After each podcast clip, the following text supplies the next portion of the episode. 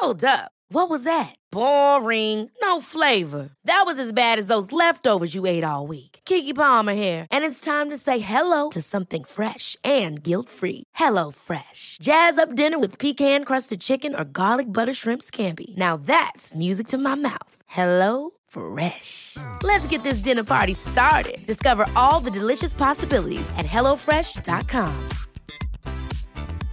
Ryan Reynolds here from Mint Mobile. With the price of just about everything going up during inflation, we thought we'd bring our prices down. So to help us, we brought in a reverse auctioneer, which is apparently a thing. Mint Mobile unlimited premium wireless. Ready to get 30, 30, bit to get 30, bit to get 20, 20, 20, bit to get 20, 20, bit to get 15, 15, 15, 15 just 15 bucks a month. So, Give it a try at mintmobile.com slash switch. $45 upfront for three months plus taxes and fees. Promo rate for new customers for limited time. Unlimited more than 40 gigabytes per month. Slows. Full terms at mintmobile.com. There's never been a faster or easier way to start your weight loss journey than with PlushCare. PlushCare accepts most insurance plans and gives you online access to board-certified physicians who can prescribe FDA-approved weight loss medications like Wigovi and Zepbound for those who qualify. Take charge of your health and speak with a board-certified physician about a weight loss plan that's right for you. Get started today at plushcare.com slash weight loss. That's plushcare.com slash weight loss. plushcare.com slash weight loss.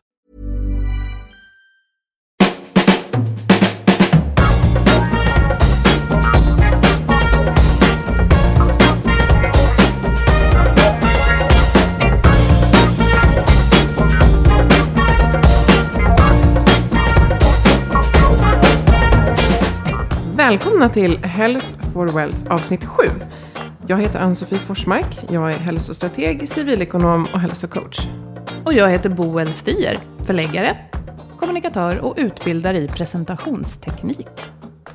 Vårt motto i den här podden, eh, eller vår tes om man så vill, är att hälsosatsningar på jobbet är lönsamma om de görs strategiskt och hållbart.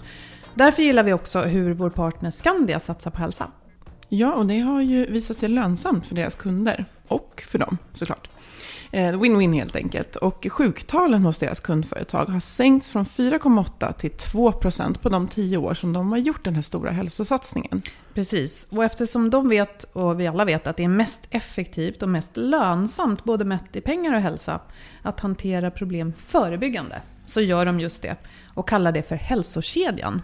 Just det. Och alla företag som har en tjänstepension med sjukförsäkring hos Skandia i form av en kostnadsfri hälsoförsäkring kan ha tillgång till den. Mm.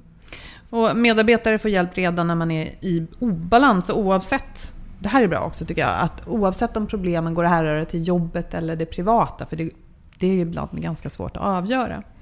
Precis, och eh, en person blir då en sorts hälso och rehabvägledare som följer med från start till mål. Och enligt deras egna siffror så betyder det att 8 av 10 får hjälp innan det har gått så långt att det har lett till sjukskrivning. Och det här är ju jätteviktigt eftersom vi vill ju vara, vi vill vara proaktiva med åtgärder. Och eh, det här är ju verkligen en proaktiv åtgärd. Mm, nej, men det är toppen.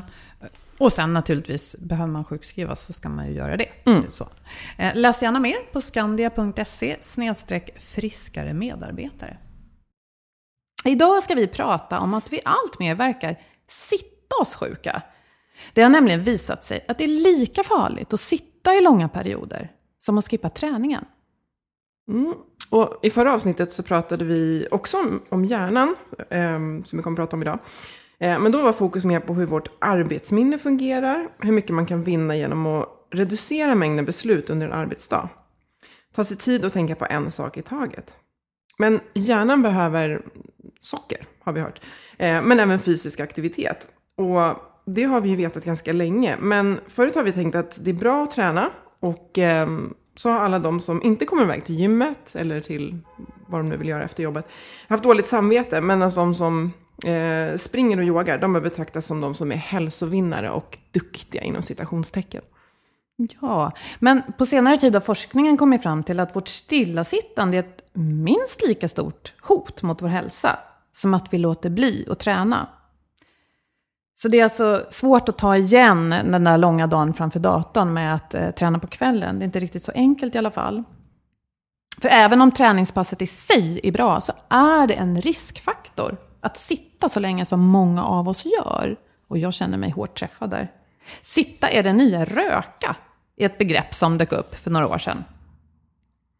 Ja, och det här begreppet sitta i det nya röka, det ska vi försöka reda lite i idag vad det egentligen handlar om. Så vi har med oss Maria Ekblom, som är docent i idrottsvetenskap på GH, alltså gymnastik och idrottshögskolan i Stockholm.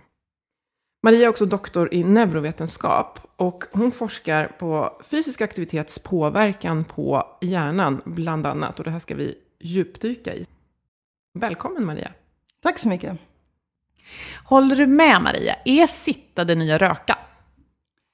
Jag tycker inte riktigt att, att det är en rättvis jämförelse. För när vi, vad vi vet om att röka är ju att det är farligt från första blosset. Att, det är här, att ta några cigaretter ger också, är också farligt för hälsan. Men när det gäller att sitta så är det mer att om vi sitter för länge, vi går över en viss gräns, som det börjar bli farligt. Så ja, det finns ett lagom sittande men det finns liksom inget lagom rökande. Så därför tycker jag att den, den parallellen faller eh, ganska tungt. Kan man, då, kan man då generalisera och säga vad är ett lagom sittande på en arbetsdag eller ett dygn? Så? Ja, det eh, har man inte riktigt kartlagt än. Det man vet är att, att de flesta av oss sitter lite för mycket och att bland de som sitter allra mest så, så finns det stora hälsorisker med det. Man har ökad risk att utveckla diabetes och högt blodtryck och, och så vidare. Så att, eh, det som man tror vore lösningen för det här är att försöka bryta upp det här långvariga stillasittandet med att, eh, att ta en paus efter en timme och ta en, en liten kort promenad för att sen sätta sig igen. För oftast är det ju så att vi tvingas sätta oss ner igen för att vi måste jobba. Mm. Mm. Och ska vi djupdyka lite i vad är det, eh, för många vet att det är farligt att sitta, men vad är det specifikt som händer i kroppen när vi sitter för länge? Ja, det här pågår det ju intensiv forskning på just nu, för det är ju hyfsat nytt det här med att man ser att det är farligt att sitta. Så man är inne och nosar på ett antal olika mekanismer. En mekanism som man tittar på, det är att när musklerna rör sig och vi går runt, då uppstår det sjuvkrafter, alltså lite dragkrafter i blodkärlen. Och det här mår blodkärlen bra av. Så det hjälper dem att, att hålla sig friska och välfungerande.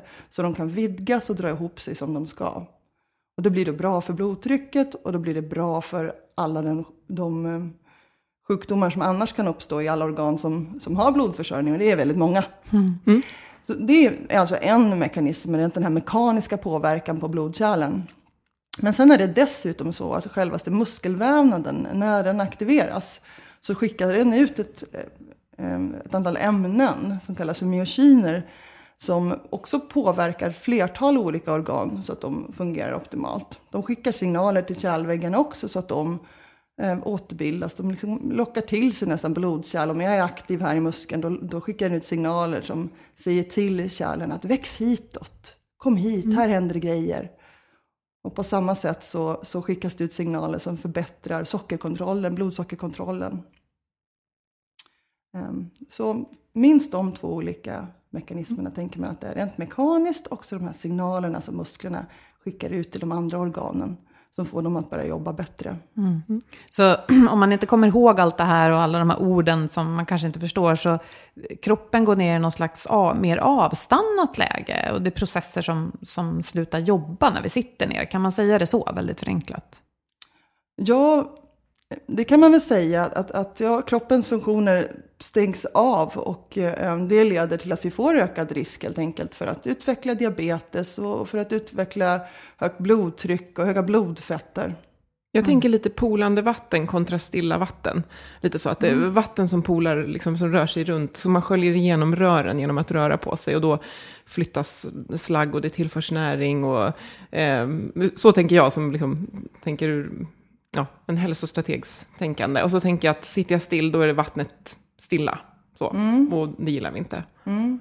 Eh, det finns inte så jättemycket tittat kring det, även om jag håller med dig kring ditt sätt att tänka. Om man står till exempel helt stilla på dagen, då får man också att, att du säger, vattnet står stilla i benen. Och då har man visat att det mår inte folk bra heller.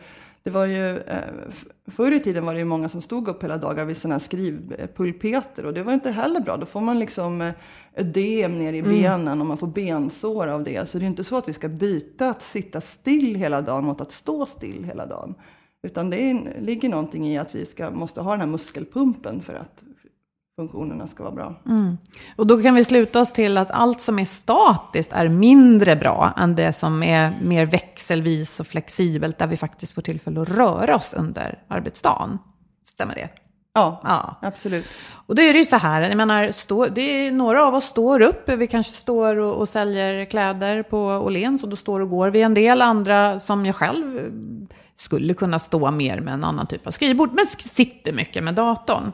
Om man då tänker att väldigt många av oss har så här klassiska kontorsarbeten, där det känns som att vi är lite, lite dömda att sitta på en stol vid ett bord med datorn framför oss.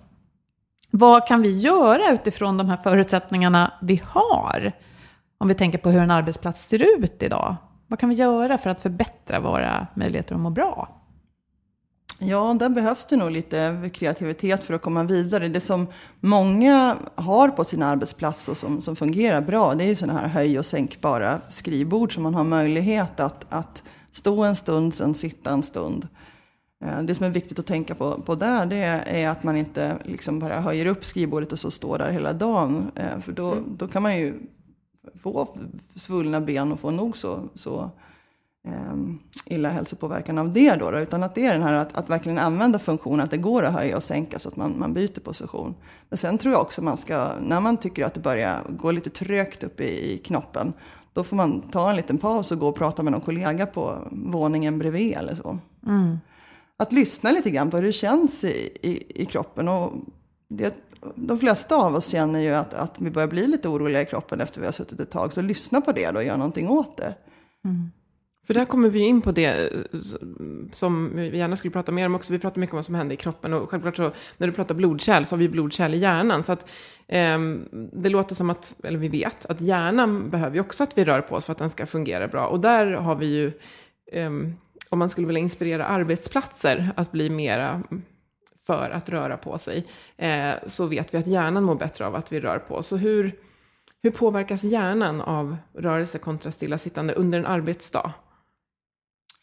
Ja, eftersom hjärnan också som du säger behöver blodförsörjning så är ju en, en uppenbar grej att mår kärlen bra så, så ger det också goda förutsättningar till att hjärnan ska fungera bra. Där har man sett till exempel att eh, om man eh, tar en liten paus och, och gör någonting som man får börja flåsa lite grann så ökar koncentrationsförmågan och, och eh, förmågan att ta snabba beslut under en period efter det. Men vi kan ju inte ställa oss upp och ta konditionspass fyra gånger om dagen. Så det handlar ju om att hitta någonting som inte bara är effektivt utan dessutom är genomförbart och attraktivt. För att eh, Ja. bara för att saker är effektiva betyder inte att vi är intresserade av att göra dem. Vi tycker det är ganska gott att ta det lite lugnt, eller hur? Ja, dels det. Sen pratade vi innan eh, programmet här om att det är inte så hög cool-faktor på att wow, jag tog trappan istället för hissen. Man instagrammar kanske inte om det. Nej. Och just att man, man, eh, man, man ser lite annorlunda ut i ett möte där man kanske känner att så här, nej men nu känner jag att min hjärna kräver att jag ställer mig upp. Och så går man liksom och ställer sig kanske längst bak i mötesrummet och alla vänder sig om och liksom stirrar och eh, vill, vill du inte sitta? Och det naturliga är att man liksom sitter ner. Men är man, börjar man bli inkörd på de här signalerna att man funkar bättre kognitivt när man, när man rör på sig under arbetsdagen, ehm, då, då vill man ju ha det så, men, men man blir ju en udda fågel. Så att här kommer vi tillbaka på det här att vi måste fundera lite kreativt runt hur vi, ehm, hur, gör vi på jobbet för att skapa det här? Om vi nu liksom får mer och mer forskning som talar om att vi vill ju vara riktigt skärpta, vi behöver det här. Hur, hur ska vi göra? Precis. Jag skulle gärna få drömma lite, för att, att vad som är genomförbart är ju en sak. Vad som är genomförbart på kort sikt och lång sikt är möjligen två olika saker. Men eh, jag bara minns att jag jobbade som servitris när jag var runt 20 och då, då gick man ju mycket, gick, gick, gick. Och när jag kom in i köket då, där ingen såg en, så satt jag väldigt ofta på huk och tyckte det var så himla skönt och alla tyckte jag var konstig. Men det fick man vara när man var 20 och jobbade eh, på restaurang. Men om jag skulle sätta mig nu i en kontorsmiljö eller på, på något möte, så här affärsmöte på huk, då skulle jag på allvar vara riktigt konstig. Ja, men då gör Jag du dig skulle- till. Ja, Ja, mm. och jag skulle inte kunna förklara bort det. Nej. Ja, så, Men jag önskar att vi fick göra sånt. Ja. Vad önskar ni? Nej, men det tror jag skulle vara häftigt och jag är inte så säker på att man inte skulle kunna bygga in någon form av coolhetsfaktor i det. För att det, det är ju så mer och mer nu att, att ja, men vi instagrammar när vi tränar och det indikerar att träning är någonting skapus, statusskapande. Att, att vi signalerar, kolla vad duglig jag är, att jag faktiskt satsar på mig. Och om vi bara liksom sprider informationen om att det är samma sak med att eh, ta pauser i, i vardagen. Då kan det vara jättehippt och, och kanske Instagramma om att nu tar jag och min kollega ett, ett liksom gåmöte här i skogen. Fatta vilket lyxliv vi lever som, som har så bra arbetssituationer så att vi kan unna oss ett gåmöte. Och där tror jag vi är på väg, för det är liksom walk and talk, det har blivit ett begrepp. Ehm, men det är ändå, tänker jag då, som, som, som vistas i mycket kontorsmiljö, ehm, det är ändå en ganska stor grej. Det ska på kläder och man ska ut. Och, och som du sa, det ska vara attraktivt och gångbart. De här, vi vet ju också då att de här mindre pauserna också, man kanske tar ett promenadmöte ändå, ehm, under dagen, men sen behöver man även däremellan göra de här mindre eh, rörelse utbrotten. Så. Eh, och, och, och jag tänker att en del har ju liksom appar som liksom talar om för dem att så här, nu har du suttit 30 minuter. Och det finns ju mycket så här, hjälpmedel. Men det jag är lite nyfiken på det är det här när vi tittar på hur när är det vi tappar det här spontana i att men gud, nu måste jag röra på mig, att det kommer som en signal inifrån. För för några av oss så gör det ju det. Vi känner ett behov av att vi måste röra på oss. Och när vi tittar på barn så är det ju liksom, vi lär dem att sitta still. Vad, vad, är det naturligt för oss att få signaler på att vi behöver röra på oss? Ja, men det tror jag absolut att det är och att vi socialiseras till att plocka bort de här eh, signalerna. Jag tänker, om, om ni tänker på Pippi Långström och Emil i Lönneberga, de skulle ju liksom inte sitta still om de kände att det började krypa i kroppen, utan då får ju de iväg. Och jag tror att vi får väl liksom bygga om den där socialiseringen, socialiseras till att det är okej att, att ställa sig upp. Och precis som du säger, om man då har till exempel på sig en sån här klocka som finns, som piper till när jag har suttit i en timme, det finns ju flera olika varianter av det. Ja, men då får vi helt enkelt bygga in i, på våra arbetsplatser att när den där till och med säger ifrån, ja men då måste jag ta en paus. Då kan man skylla på den och blir inte så konstig. Ja, jag tror det. Det kan ju faktiskt vara eh, lite grann, ja, något, att- något att skylla på. Så det är inte att jag är lite freakish, utan vi vet ju vad som gäller och precis, mat och på, sovklockan. ja. Liksom. Peka på handleden. Pling, Ja. pling. Men sen så tror jag också att, att eh, man inte får glömma bort att, att vilken möjlighet man har att, att ta en paus beror ju också på vilken typ av jobb man har. Absolut. Alltså det, vi har alla ganska fria jobb där vi ja, kanske ställs stora krav på vår kreativitet och sådär. Vi får jobba lite dygnet runt, men annars kan vi också ta paus lite när vi vill. Och det är väldigt många som inte har de arbetsförhållandena och för dem blir det ännu svårare. Och då är det ännu mer också, man får tänka att arbetsgivaren måste vara med på det här Ja. också. Så det är inte bara ditt eget ansvar, utan det är jättemycket vad, vad arbetsgivaren bygger in i, i din arbetsbeskrivning. Och, För det jag tänker då, det är ju att på till exempel ett kontorslandskap eller i en miljö där man, det, det är liksom fritt hur jag rör mig, jag är inte bunden vid min arbetsplats på samma sätt. Där behövs det kanske, ja men där kanske den här klockan är bra på armen eller en app eller någonting på datorn som säger liksom skärmen bara stängs ner. Ehm, och, och en kultur som främjar det. Medan i ett arbete där man är bunden vid en vid en maskin eller någonting. Och här vet jag faktiskt företag som har det här på plats. Att på ett stort verkstadsgolv så helt plötsligt så liksom stannar allting av. Och sen så kommer upp en skärm med pausgympa som alla ska utföra. För att man har sett att de behöver det. Och sen har vi kanske mm, liksom vårdpersonal så som är mycket upp och går hela dagarna. De behöver ju en annan, de behöver kanske paus från sin eh, gå-rörelse så att säga. Och sen har vi kanske, jag tänker om man sitter i i kassan till exempel och inte kan stå i kassan, då behöver man ju också få paus. Så att på vissa företag då måste man eh, nästan lägga in det på schema och på vissa ställen kanske man kan jobba mer med en, med en kultur, liksom främja möjligheter till det så. Men varje, låt som verks, varje verksamhet måste ju fundera utifrån sina, vad är våra utmaningar för att få till mm hälsosam rörelse under arbetsdagen. Absolut, och det är därför jag menar på att den här kunskapen kring det här måste ju liksom integreras in i varje bransch. Så att man får liksom branschspecifika idéer för hur man ska kunna genomföra det här på, under arbetstid. Och, och på sätt och vis så, så har det ju funnits sådana traditioner också. Men det finns ju lagstiftningar kring hur länge en, en lastbilschaufför får sitta och köra i sträck. Så det finns ju idag också branschspecifika regler kring, kring hur arbetsmiljön ska se ut. Men de behöver liksom uppdatera det regelsystemet. För det finns ju Ja, till exempel där för lastbilschaufförerna så handlar det ju eh, mer om hur länge man kan sitta innan man blir för trött. Ja. Och Innan då är man farlig farligt. för andra Men, också. Då är man farlig för andra, men långt innan dess är man ju farlig för sig själv. Ja. Ja. Jätteintressant. Men, men ja. Maria, det, det verkar ju finnas siffror ändå på hur farligt det här stillasittandet är. Skulle inte det kunna skynda på utvecklingen mot sådana här riktlinjer? Alltså lite tvång på både arbetsgivare och medarbetare. Jag menar, eh, jag vet inte om du, du har någon sån klatschig siffra, men jag är säker på att den som sitter åtta timmar varje dag jämfört med den som går på jobbet kanske får några års kortare liv eller någonting sånt. Det är, ju- det är lite svårt att få fram den där typen av siffror av den enkla anledningen att man eh, förr i tiden inte hade något objektivt sätt att mäta hur, hur vi rör oss, utan då provade man på att ställa olika frågor. Eh, och de, ibland var frågorna bra, ibland är de mindre bra. När det gäller att titta på just stillasittande så, så historiskt sett så har man ofta frågat kanske hur mycket tittar du på tv? För att få en ungefärlig bild av, av hur mycket du sitter. För annars är det svårt att svara på den frågan. Och kanske olika lätt för, beroende på om du har mycket utbildning eller lite utbildning och så vidare. Och när man tittar på sådana frågor, då, hur mycket tittar du på tv? Så är det de som, som är i den en tredjedelen som tittar mest på tv, ja, men de har ju kraftigt ökad risk för dödlighet. En, en, en fördubblad risk för dödlighet jämfört med de som eh, är i den gruppen som tittar minst på tv. Om man nu tror på det som mått. Men börjar vi, nu för tiden så har man ju små mätare som man kan sätta på, på handen eller på höften. Ungefär som, som stegräknare men lite mer sofistikerade. Då.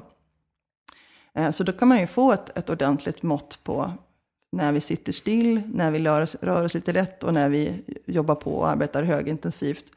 Så med hjälp av det, materialet så kan vi få veta eh, mer detaljerat då, då, exakt hur riskerna ser ut. Men där är de, den tekniken så ny så det finns lite färre studier på, på just dödlighet. Men det verkar indikera även med de här nya objektiva mätarna att de gamla fynden står sig. Men Det du, jag måste bara fråga dig, ja. dödlighet, alla dör ju, men du menar så här risk för förtida dödlighet? Eller vad, Ja, vad ja. menar man att man dör? Ja, men då har man följt upp, då har man mätt vid ett tillfälle, kanske frågat hur mycket tittar du på tv och sen då kollar man tio år efter hur, hur stor andel är det av, av de som satt mycket som har dött jämfört med hur stor andel är det av de som satt lite som har dött. Så det är så man räknar fram då om det är så korrigerar man för risk. Ålder och lite sånt där? Ja, man korrigerar för en massa andra saker som man tror också eh, har en inverkan då på. Okej. Så då, då kan man faktiskt ändå med fog eh, skapa en sån här lite klatschig rubrik, säga vi dör eh, tidigare om vi sitter för mycket. Ja, men det kan man. Ja. Men om vi då vet det, då, då borde man ju kunna sätta ganska hård press på myndigheter och göra i alla fall här uppifrån aktiviteter. Fast frågan är om det är det som, som hjälper oss. Nej, men jag tror också eftersom man har lite svårt för att översätta det än så länge eftersom man, eftersom man inte kan översätta det till exakt hur många timmar du ska sitta uppmätt på något objektivt sätt. Utan det, eftersom att det bygger på de här enkätfrågorna så blir det lite svårare. Det behövs lite mer forskning innan vi kan nå fram till de här jättespecifika eh, rekommendationerna. Vi kan säga sitt mindre och avbrutit stillasittande men vi kan inte säga här går den exakta gränsen. Ja, just det. Och det gäller ju omvänt eh, träningen också. Det är där vi tror att vi eh, behöver ja, men, få in större insatser för att verkligen forska fram vilka doser ska vi ha det här idag? Ja. Vilka doser av, av stillasittande tål vi? Och vilka doser av träning är någon form av minimum? Ja. För det, där tänker jag mycket på att några av oss älskar att träna och, och har liksom inget problem att få till det här. Och sen har man någon som bara, okej, jag är väldigt mån om min hälsa, men jag hatar att träna. Vad är det minsta jag behöver göra? Och sen kan jag förhålla mig till det och säga så här, men då förstår jag att jag behöver stå och gå så här mycket per dag. Och, och, och ta hand om lite liksom, muskulatur i kroppen två gånger i veckan ungefär. Men så att man för, liksom det skulle ju vara sån hjälp för många att bara det här är det som gäller, det här behöver du förhålla dig till. Sen får du lösa det på ditt sätt och vi försöker som arbetsgivare erbjuda de här möjligheterna. Här får du ett gummiband och det piper in klockan när du ska ställa dig upp och sådär. Så, så där tänker jag, men det är som med mycket annat, det beror på, det är svårt att, att göra exakt, men vi, vill, vi vet i alla fall att vi behöver mer aktivitet. Ja, men det vet vi. Och, och vi vet att vi kan lite grann tänka att, att eh, ja, men det bästa är ju om vi både får till att träna kanske konditionen tre gånger i veckan. Och dessutom få till att vi inte sitter i, i långa sjok under dagen. Då hamnar vi i den gruppen som har lägst risk för dödlighet och lägst risk att utveckla det som kallas för metabola sjukdomar som är liksom, ja, höga blodfetter och, och, och diabetes och, och sådana saker. Som i sin tur då leder till för tidig död och kanske till demens och massa otäckheter. Ehm, Men, men om vi inte kan vara sådana där jätte perfekta människor så vi både tränar och aldrig sitter och, och vi äter sunt och är på gott humör. Men om vi inte klarar det så, så kan vi kanske försöka välja någonting där. Och jag tycker att Ja. den, den här forskningen är på så sätt ganska uppmuntrande till, till de som inte är hälsofreaks. Ja, och. Mm. inte instagrammar när de kör någon värstingpass. För att det innebär ju att du kan faktiskt halvera dina risker Mm. genom att bara bryta upp ditt stillasittande. Och det kanske är jobbigt det också, men jag tror faktiskt inte att det är lika svårt att genomföra den beteendeförändringen som att genomföra beteendeförändringen att börja konditionsträna tre gånger i veckan. Precis, och det, det är där jag tänker det blir en annan diskussion med just att den här träningstrenden ligger lite i vägen därför att det, det verkar som att det ska till så mycket. Och tänk om vi kunde sprida den här informationen om att det som krävs för hälsoförbättringar och minska risk för metabola syndromet och annat, det är inte de här extrem hårda träningarna. Du kan minska din risk för dödlighet ganska mycket, medan någon annan som är ute och hårdtränar ökar risken för löparknä eller någonting. Så, alltså vi väldigt, verkligen uppmuntrar att få ut den informationen. Så den forskningen som jag vet att du håller på med nu känns väldigt, ehm, väldigt intressant och spännande att följa. Ja, men där vill vi jobba lite grann tillsammans med stora arbetsgivare också för att titta branschspecifikt. Liksom, vad, vad är det som skulle vara enough eh, här vad det gäller fysisk aktivitet för att, att människor ska dels undvika ohälsa men sen också kunna prestera bra eh, på arbetsplatsen. Och oftast är det inte två olika saker. Eller? Om vi pratar till exempel hjärnhälsa så är det ju samma fysiologiska förutsättningar som krävs för att du inte ska bli stressad och deprimerad som är de som leder till att du blir kreativ och tänker snabbt. Så där sitter ju hälsa och prestation liksom ihop som en enhet. Ja, det är ju lite vår ansats i podden också. Ja. Precis, för att eh, du har ju berättat i en DN-artikel nyligen också att det finns en koppling mellan arbetssituationer med mycket stress och högt ställda krav och eh, där, där medarbetarna har små möjligheter att påverka liksom, sin arbetssituation. Och här har man då sett en, en ök, ökad inaktivitet på fritiden. Eh, och det verkar som att stress och press, det är ju negativa hälsoeffekter självklart på jobbet, men det spiller även över på fysisk aktivitet. Kan du berätta mer om det? Ja, det, det här är ju forskning som man till del har känt till under en, en lång tid. Det vill säga hur arbetsgivaren lägger upp dina arbetsuppgifter på jobbet påverkar hur du mår. Och att har du en väldigt låg grad av frihet i arbetsuppgifterna, att, att det är väldigt någon annan som har beslutat hur du ska arbeta, och du dessutom, så du har låg kontroll och dessutom höga krav på dig, så gör att du har lätt för att bli stressad. Och den här stressen då, skulle du kunna skydda dig mot om du hade eh, kunnat lyckas få till att vara aktiv på fritiden. För då, då sätter du igång processer som skyddar hjärnan mot den här stressen. Men tvärtom verkar det bli så då, att, att man drivs till att bli inaktiv. Och då har de då gjort sammanställningar av, av flera stora europeiska studier. Som har lagt ihop eh, material från flera populationsstudier och räknat ihop allting tillsammans till något som kallas för en metaanalys. Och då har man sett att om man mäter eller frågar folk, hur har du det på jobbet idag? Då är det så att de som svarar att de har höga krav och låg kontroll, de kommer i framtiden att förändra sitt beteende på fritiden till att bli mindre aktiva. Så chefen driver de anställda till att sluta vara aktiv på fritiden kan man säga. Och då funderar jag på, för, för att om de då, är det, är det liksom en, upp, en känsla i kroppen, som, är det liksom något fysiologiskt som driver mig att jag inte då tar mig tid till min motion på fritiden? Eller har man tittat på vad de här driv... För det är ju ändå så att de går från jobbet någon gång under dagen och då kanske har en intention att, att, att träna. Eller vad är det som, som driver det här? För att jag tänker på den här kravkontroll-supportmodellen där Ja. supporten är ju att man du kan ha höga stressnivåer på jobbet men liksom få utlopp för dem rent fysiskt om du rör på dig efter jobbet, även om du inte löser allting. Men vad är det som, ja berätta mer om vad det är som driver det här, att de inte då... Nej men det är man ju mer, mer osäker på. Och man är ju också osäker på vad är orsak och verkan i det här. För, för att det är mycket, eh, det är ju inte experimentella studier. Nej. Utan det här är ju att man har följt, människor naturligt över tid. Så därför så kan man ju inte riktigt säga, är det så att de, inte, inte, de började röra sig mindre och mindre och då blev de mer och mer stressade och upplevde sin arbetssituation värre och värre. Eller är det tvärtom? Men det som ändå indikerar att, att orsakssambandet går åt andra hållet, det är ju det här att de hade först upplevt att det hade varit stressigt på jobbet och sen började de röra sig mindre på fritiden. Så jag vågar inte skriva på, det debatteras fortfarande åt vilket håll orsakssambandet går. Eh, Men, men det kan, kan vara så att man kanske förvärrar situationen genom att, att eh, vara i en sån situation på arbetsplatsen att man har höga krav och låg kontroll. Sen är det ju många kvinnor som dessutom har eh, hö- höga krav, upplever höga krav i hemmaarenan också. Då förvärrar det ju förstås situationen ännu mer. De flesta tror att man går från jobbet och är väldigt trött helt enkelt och därför orkar man inte ta initiativ till att vara aktiv efteråt. Vi som eh, berörde i alla fall myndigheter och riktlinjer och sånt. Här finns ju en tydlig koppling till de nya riktlinjerna från Arbetsmiljöverket som vi har pratat om flera gånger. Och det är väldigt tydligt där att arbetsgivaren har ett ansvar för att inte lägga på medarbetaren för hög eh, arbetsbelastning som leder till stress. Så.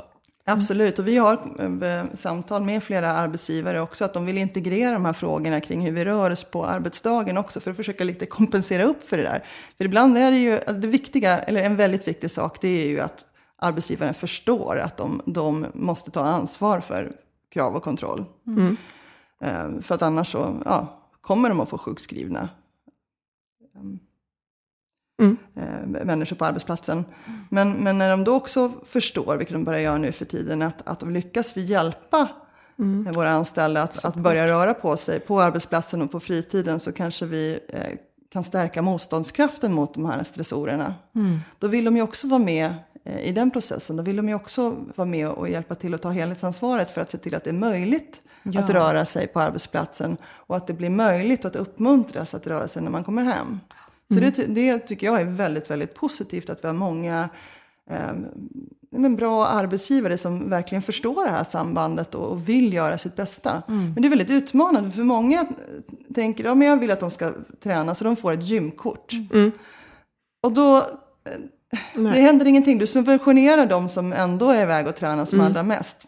Men det är inte så att du, du får igång någon som normalt sett har svårt för att komma igång genom att betala gymkortet.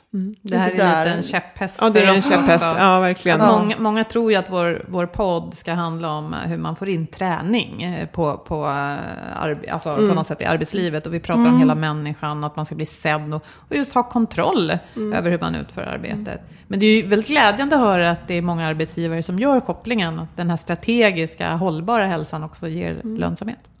Jag tror att det beror på vilka, jag har pratat med lite stö- arbetsgivare på större företag, då har de ju större muskler förstås för att titta på sådana här frågor och kan jobba mycket mer professionellt. Medan så är det en, en, en liten arbetsgivare med en snål ekonomi, ja, men då, då är det nog lättare hänt att man försöker att, att driv, trycka ner gasen i botten och försöka alla få jobba så, så hårt som möjligt och, och ja, inte hinner titta strategiskt på hur vi ska ha någon form av hållbar utveckling av kompetensen och hälsan och prestationen i företaget. För, för så lång horisont har vi inte.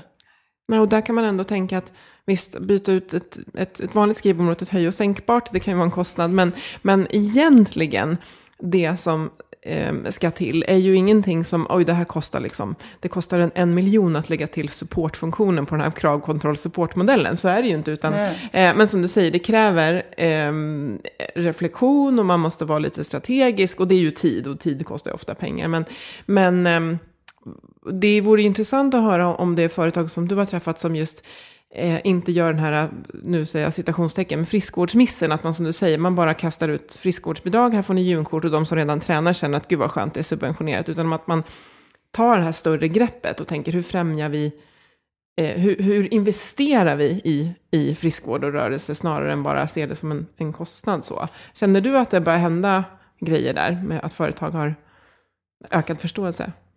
Av organisationer? Ja, men jag känner att man börjat intressera sig för de här frågorna. Och jag tror att det handlar ju väldigt mycket om den här, ja men vad som händer i samhället idag med att fler och fler blir sjukskrivna på grund av, av stressrelaterade problem. Och det har ju liksom att göra med att mer och mer av de eh, produkter de, vi gör är egentligen tjänster. Så det som vi använder som vårt arbetsverktyg, det är vår hjärna. Och vi ska vara kreativa, vi ska liksom kunna planera, vi ska ha ett jättestort socialt nätverk. vi ska kunna multitaska. Så vi ställer ju oerhört stora krav på, på hjärnan i, ja, i våra arbetsuppgifter.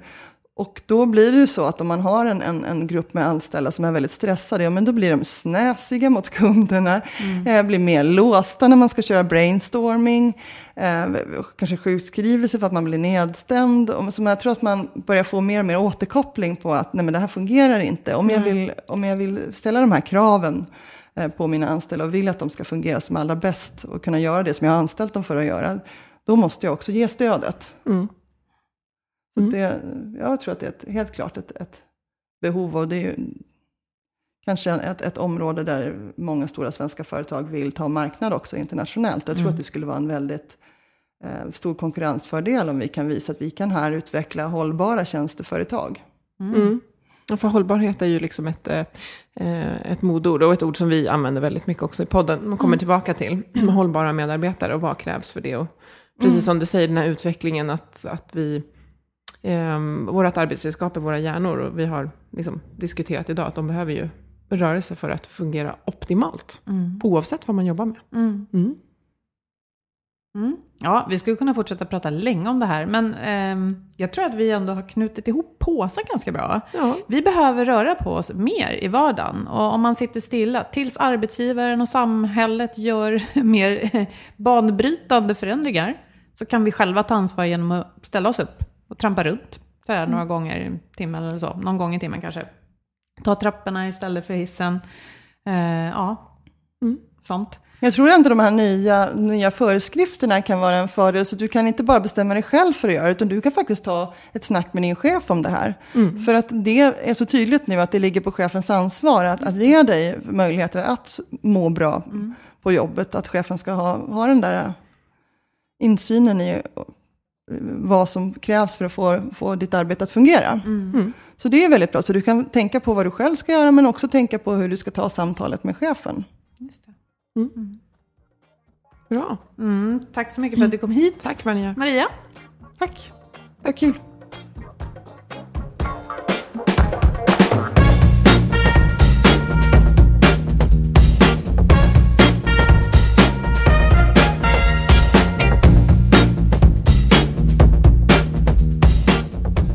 Det var intressant det där. En samhällsutmaning i sig med att få till rörelsen på jobbet. Men Annie, vad menar du när du sa socker där mitt i alltihop?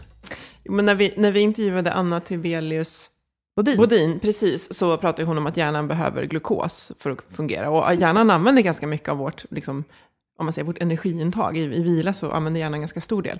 Eh, sen vet ju alla som är inlästa på till exempel LCHF att hjärnan också kan använda till exempel ketoner. Men, men eh, nej, men så, så det var väl mest, ja, en liten parentes. Men hjärnan behöver mat, kan vi ja. väl säga, för att fungera bra. Men idag har vi pratat om att hjärnan behöver rörelse. Mm. Eh, för att syresättas, för att fungera bra. Vilket ju är ett nog argument i sig, kan man tycka, för att eh, främja rörelse på arbetsplatsen. Men då kommer mm. vi till det här huret, som jag tror att vi liksom kan diskutera igen och mm. fundera över. Men att skapa förutsättningar för att röra sig på jobbet. Jag tror att en sak med den här diskussionen är väldigt bra, därför att om många hittills har varit lite vad ska man säga, bortskrämda eller avtända i sin inställning till fysisk träning. För man tycker att det är de där nissarna med gula västar som springer omkring mm. och det är inte jag och jag kan ändå inte så mycket som dem. Mm. Om vi kan dra den här slutsatsen att det räcker faktiskt med att ställa sig upp lite då och då, gå omkring lite mer på jobbet,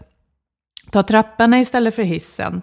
Eh, ja, vad vet jag, gå av bussen två stationer mm. tidigare. Sådana enkla saker kan förlänga ditt liv och det kan vara det som behövs. Mm. Man kanske inte ens måste gå till gymmet en enda gång.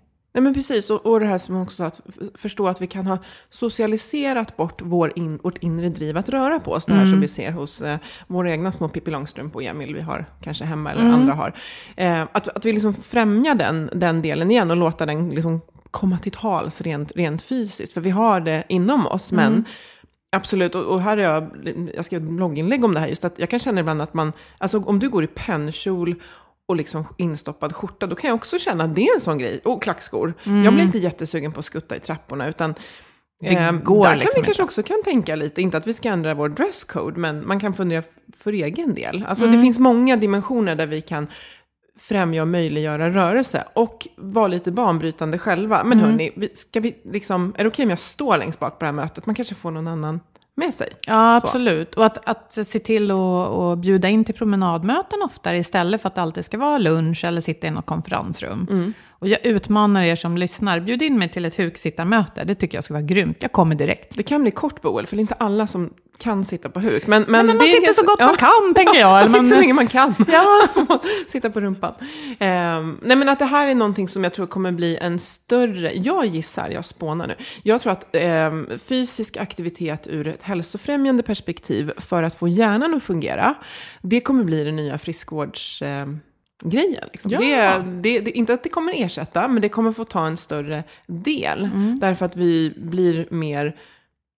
Ja, men det är det här, vår, vår, vårt friskvård har inte hängt med hur vårt sätt att jobba har utvecklats till att bli mer och mer tjänste, eh, stillavarande vid skärm. Så. Eh, när det börjar komma ikapp så kommer det bara handla om de här grejerna. Hur rör vi oss under arbetsdagen?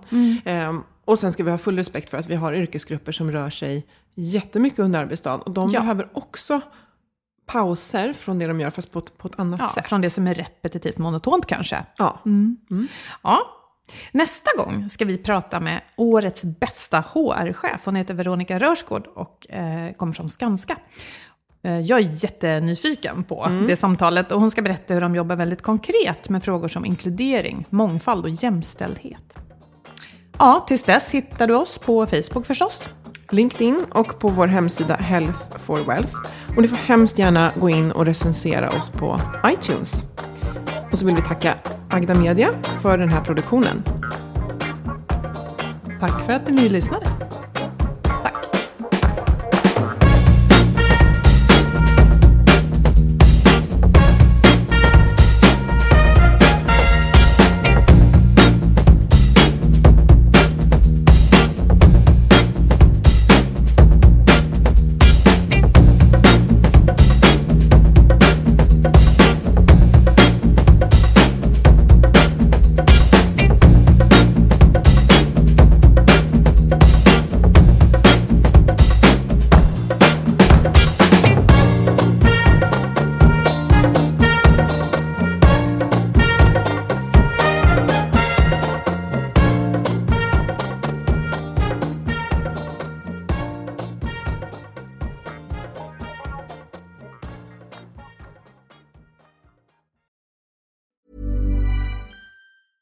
Planning for your next trip?